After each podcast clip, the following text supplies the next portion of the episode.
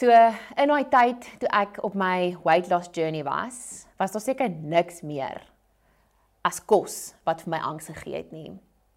Ek onthou in daai tyd toe ek probeer gewig verloor het en en op hierdie journey was, dan gaan eet ek by my ouers en dit het eintlik so stil geword om die tafel voor die kos na die tafel toe ge gebring was want daar was soveel spanning wat daarmee saamgegaan het. Wat gaan op die tafel wees? Gaan Marcel dit kan eet? Gaan dit 'n fat burning food wees? So kos was glad nie iets wat ek op daai stadium van my lewe geniet het nie. Een van my gunsteling quotes sê you can't live a full life on an empty stomach. En so lank het ek kos gesien as iets wat my gaan vet maak. So wat gebeur? Ons wil minder eet. Ons ons wil nie kos geniet nie. Daar's angs rondom dit.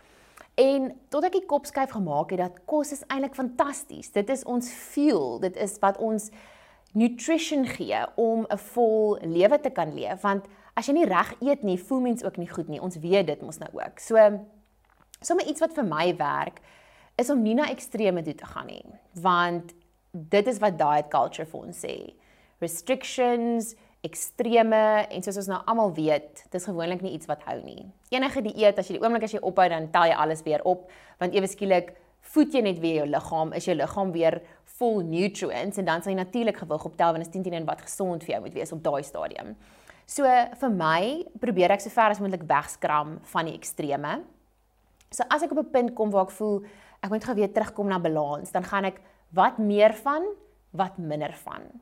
Dis so eenvoudig soos dit. En ons weet hierdie tipe dinge. Byvoorbeeld en jy kan jou eie voorbeelde kies, maar ons moet meer water drink. Ek moet baie minder koffie drink. baie minder.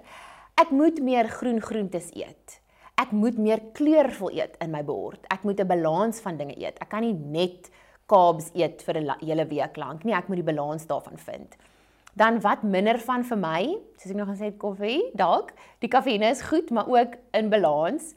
Dan minder soet goed dalk vir my. Ag, jy lekker stout vir 'n pastry, maar dan moet ek oor 'n naweek geniet en dan los mens om deur die week. So om daai balans te vind, nie te gaan ek gaan nou glad nie vir 3 maande enigstens carbs eet nie, want dan programmeer jy letterlik jou brein om net dit te wil eet.